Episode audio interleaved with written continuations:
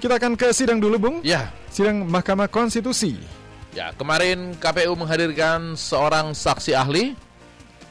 Dia adalah Profesor IT yang Hmm. juga rek, saat ini menjadi rektor di Universitas Trilogi. Yap, Ada sudah siapa? ada Profesor Marsudi Wahyu Kisworo. Pak Marsudi, selamat pagi. Pagi Pak Marsudi. Selamat pagi Mas, tapi sebelumnya koreksi dulu ya, saya sudah tidak menjadi rektor di Trilogi sejak bulan Januari ya. Oh, Oh. begitu.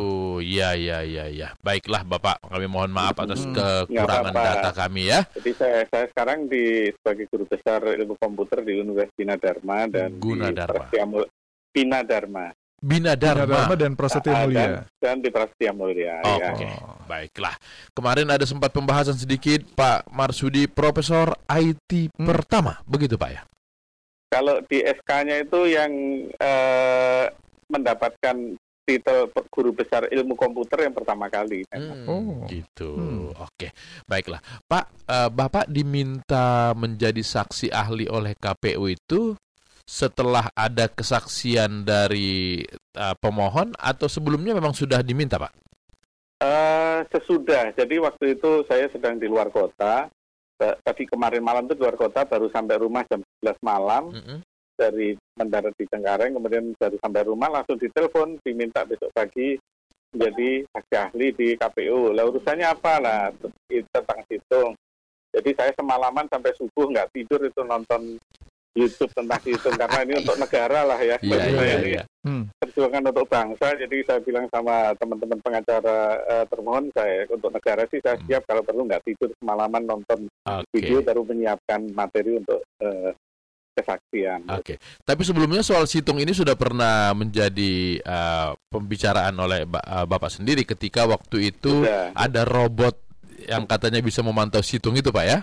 Iya sudah dan waktu itu sudah berapa kali saya sampaikan. Kemarin juga saya sampaikan ke pengacara KPU situng itu bukan alat perhitungan yang sah. Hmm. Jadi kenapa diributkan gitu loh?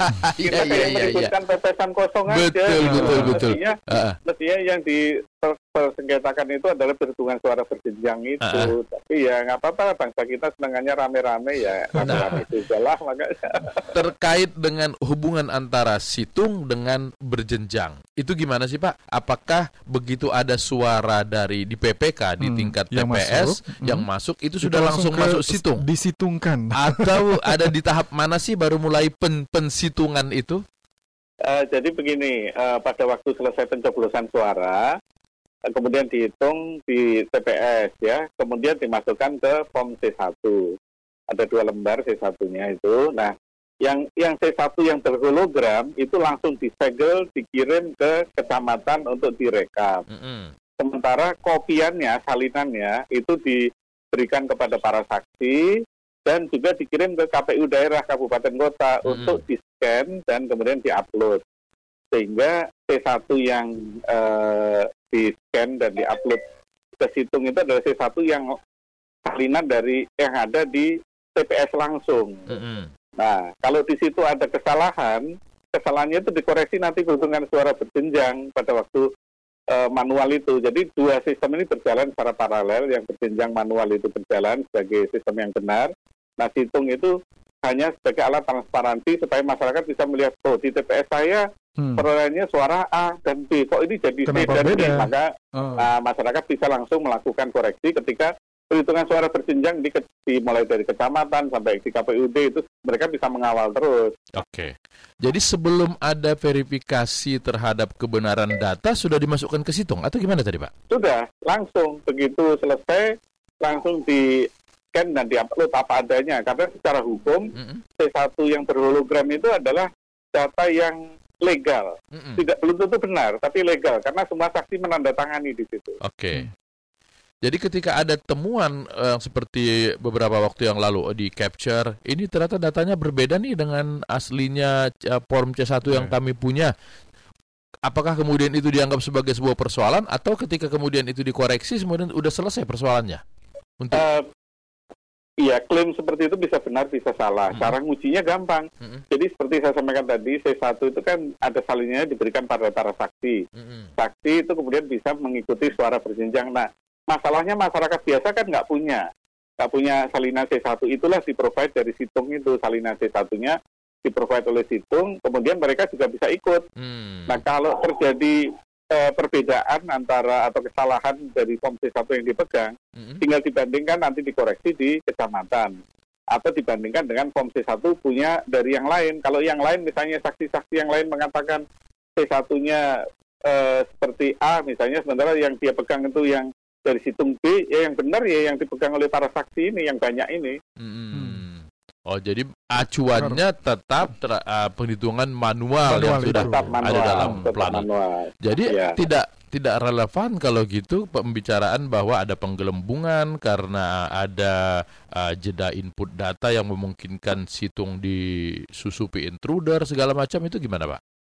Eh, tidak relevan dan tidak ada gunanya. Kenapa? Karena situng ini bukan hal alat yang sah. Jadi sebetulnya kalau yang benar sebetulnya masyarakat itu kalau menggunakan situng lihat C1-nya saja, Mm-mm. di-download, kemudian dibawa ketika perhitungan berjenjang, dicocokkan di situ, benar atau tidak. Kalau benar ya sudah, gitu. Jadi situng jangan dilihat angka perolehan persen-persennya itu. Itu sebetulnya tujuan utamanya adalah supaya kita semua masyarakat seluruh Indonesia yang mau berpartisipasi di mana pun juga bisa mem- mem- mempunyai salinan dari form C1 untuk kalau dia mau berpartisipasi di dalam eh, proses transparansi perhitungan suara. Hmm. Partisipasi yang dimaksud di sini partisipasi mengkoreksi jika ada Mengkoreksi. kesalahan. Kesalahan. Iya. Oh, Oke. Jadi bisa- dia lihat di situng dan dia bandingkan dengan data yang mereka Ah, punya. Salah nih bro, Ah. ganti dong gitu ya kira-kira pak ya. Iya, jadi ah. misalnya waktu perhitungan di tingkat tersebut, misalnya perolehan suaranya A dan B, yang dia pegang C dan D, dia bisa angkat tangan. Pak, ini di kopi yang saya ini A dan B. Nah, Hmm. tinggal dicek kan, dicocokkan aja di hologramnya Mm-mm. A atau B, atau C atau D. Nah, kalau yang paling valid adalah yang di eh, C1 berhologram itu. Hmm, oke. Karena itu yang disegel. Kalau yang lain kan salinan bisa diedit-edit, apalagi kalau hasil scan. Itu Iya iya. zaman sekarang kan... Memang bisa eh, pak ya. Iya. Walaupun ada Jadi- hologramnya segala macam, nanti ketika scanningnya bisa dibuat seolah-olah berhologram. Ini bi- kalau kalau hologram kan nggak di scan, hologram itu kan dicetak, Maaf. jadi tidak bisa eh, ap- kopian itu ber- karena kalau ada kopian C1 berhologram di luar itu Hmm. malah ilegal karena hanya satu setiap TPS itu hanya satu C1 yang berhologram. Oke, dan itu yang dipegang oleh eh, petugas eh, TPS Iya. dan PPK pak ya. Nah, nah, Oke. karena itu dimasukkan dalam kotak yang bersegel yang tidak bisa dibuka sebelum Hmm. acara perhitungan berjenjang. Kalau ternyata situng ini malah bikin rame seperti ini, padahal tujuannya untuk transparansi, mending gak usah pakai situng waktu itu pak ya. Eh, enggak juga. Jadi mungkin yang, yang saya kritik itu begini, mungkin si- situng itu bisa dua solusi sebetulnya. Mm-mm. Pertama ditampilkan C1-nya saja, Mm-mm. hingga biar nggak bikin ribut, jadi nggak usah menampilkan sekian persen, sekian persen gitu. Mm-mm. Atau yang kedua, eh, yang saya usulkan, waktu itu sudah pernah saya usulkan, tapi mungkin KPU nggak sempat menindaklanjuti, dibuat dua halaman. Eh, di halaman situsnya situng itu, yang pertama data sudah diverifikasi, halaman yang kedua data yang belum diverifikasi. Jadi masyarakat kalau melihat yang belum diverifikasi, jadi nggak nggak bisa protes karena KPU sudah mengatakan data yang halaman ini belum diverifikasi Ah, apa pun juga, sehingga tidak menimbulkan kehebohan. ada Nah, dua ketiga- klasifikasi. Itu yang Iya. bikin lebih jelas, Pak ya. Iya, nah yang ketiga adalah KPU memang di, di situsnya situng. Jadi situng itu ada dua ya, ada Mhm. situng yang webnya itu yang pemilu 2019 kpu.go.id itulah yang sering diributkan. Padahal Ah, situng sesungguhnya itu ada di dalam KPU sana yang sistem perhitungan suara tidak bisa diakses dari luar. tidak. Oh, Nah. Jadi kalau Nah, ada yang- yang bilang bahwa eh situng ini mudah sekali kita menghacknya segala macam, ber- tidak berarti kemudian situs KPU yang berisi data-data resmi itu gampang dihack juga. Iya, yang gampang dihack itu adalah situs situng yang namanya pemilu 2019.kpu.go.id. Hmm. Itu adalah webnya webnya situng. Web Situngnya situng. sendiri tidak bisa. Jadi Oke. seperti halnya saya nih Marsudi nih. Heeh. Saya punya web juga, punya punya punya webpage nah, misalnya marsudi wordpress.com misalnya. Heeh. Web, web saya itu bisa diacak-acak, tapi marsudinya kan tetap utuh. Jadi kalau Oh. saya lihat web saya dirusak, ya tinggal saya perbaiki aja. Nah, Hmm. situng juga demikian. Jadi kalau data dihack di situng itu, Pak, data aslinya nggak keacak-acak juga. Tidak, tidak. Oh. Jadi makanya setiap 15 menit ada mekanisme refresh. Oh. Jadi ketika di situs eh, pemilu 2019 itu diacak-acak oleh siapa pun juga, bahkan saya bilang mau dirusak, mau dibom, mau diapain Mm. dengan nggak nggak paling lama 15 menit sudah bisa recover lagi karena data aslinya itu Ada. ada. Dan data asli ini dijaga ketat, tidak seperti web Dijaga situng tadi. Nah, eh, bahkan Hmm. eh, ada di eh, apa di backup di dua lokasi yang lain yang eh, rahasia lah kira-kira gitu. Sehingga Hmm. kalau KPU kejatuhan pesawat terbang pun masih ada dua, dua lokasi yang lain yang masih menyimpan data itu. Hmm. Kenapa web situng itu tidak dijaga seketat uh, web uh, perhitungan yang asli, Pak, supaya tidak menimbulkan gejolak seperti saat ini?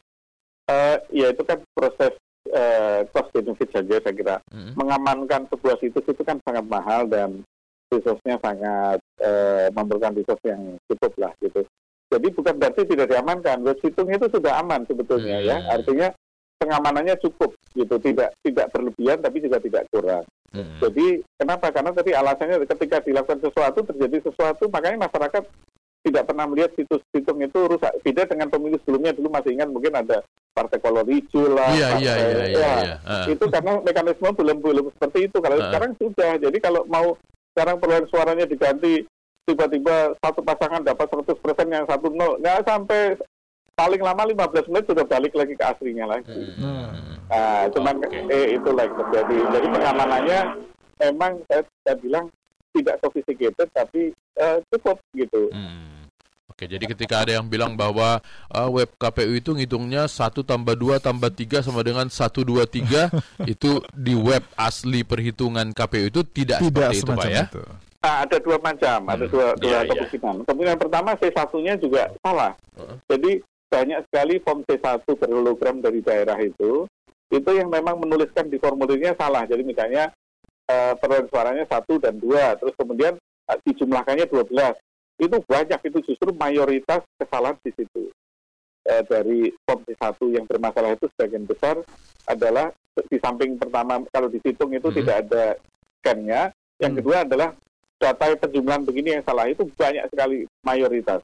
Nah, Oke. itu kenapa? Karena memang kalau operator itu di dalam ilmu data processing ya dalam disiplin data processing, operator itu harus taat apa pun yang dilihat itu di entry. Tidak boleh dia satu tambah dua tiba-tiba jadi eh, tiga menurut dia padahal di situ satu dua tiga dia tetap harus masukkan satu dua tiga. Oh. Baik, Nah itulah kemudian gunanya koreksi Hmm. ketika perhitungan suara berjenjang itu. Hmm. Baiklah, oke. Yap. Pak Marsudi, terima, Terima kasih kasih penjelasannya Pak ya. Iya mas, sama-sama. Thank you, Ya, Prof. Selamat pagi. selamat pagi. Selamat pagi, sukses selalu. Sama-sama. Sama-sama. Itu Ya. Prof Yo. Marsudi Wahyu Kisworo. Kita ya. Trijaya, beliau trilogi. Ah, ah.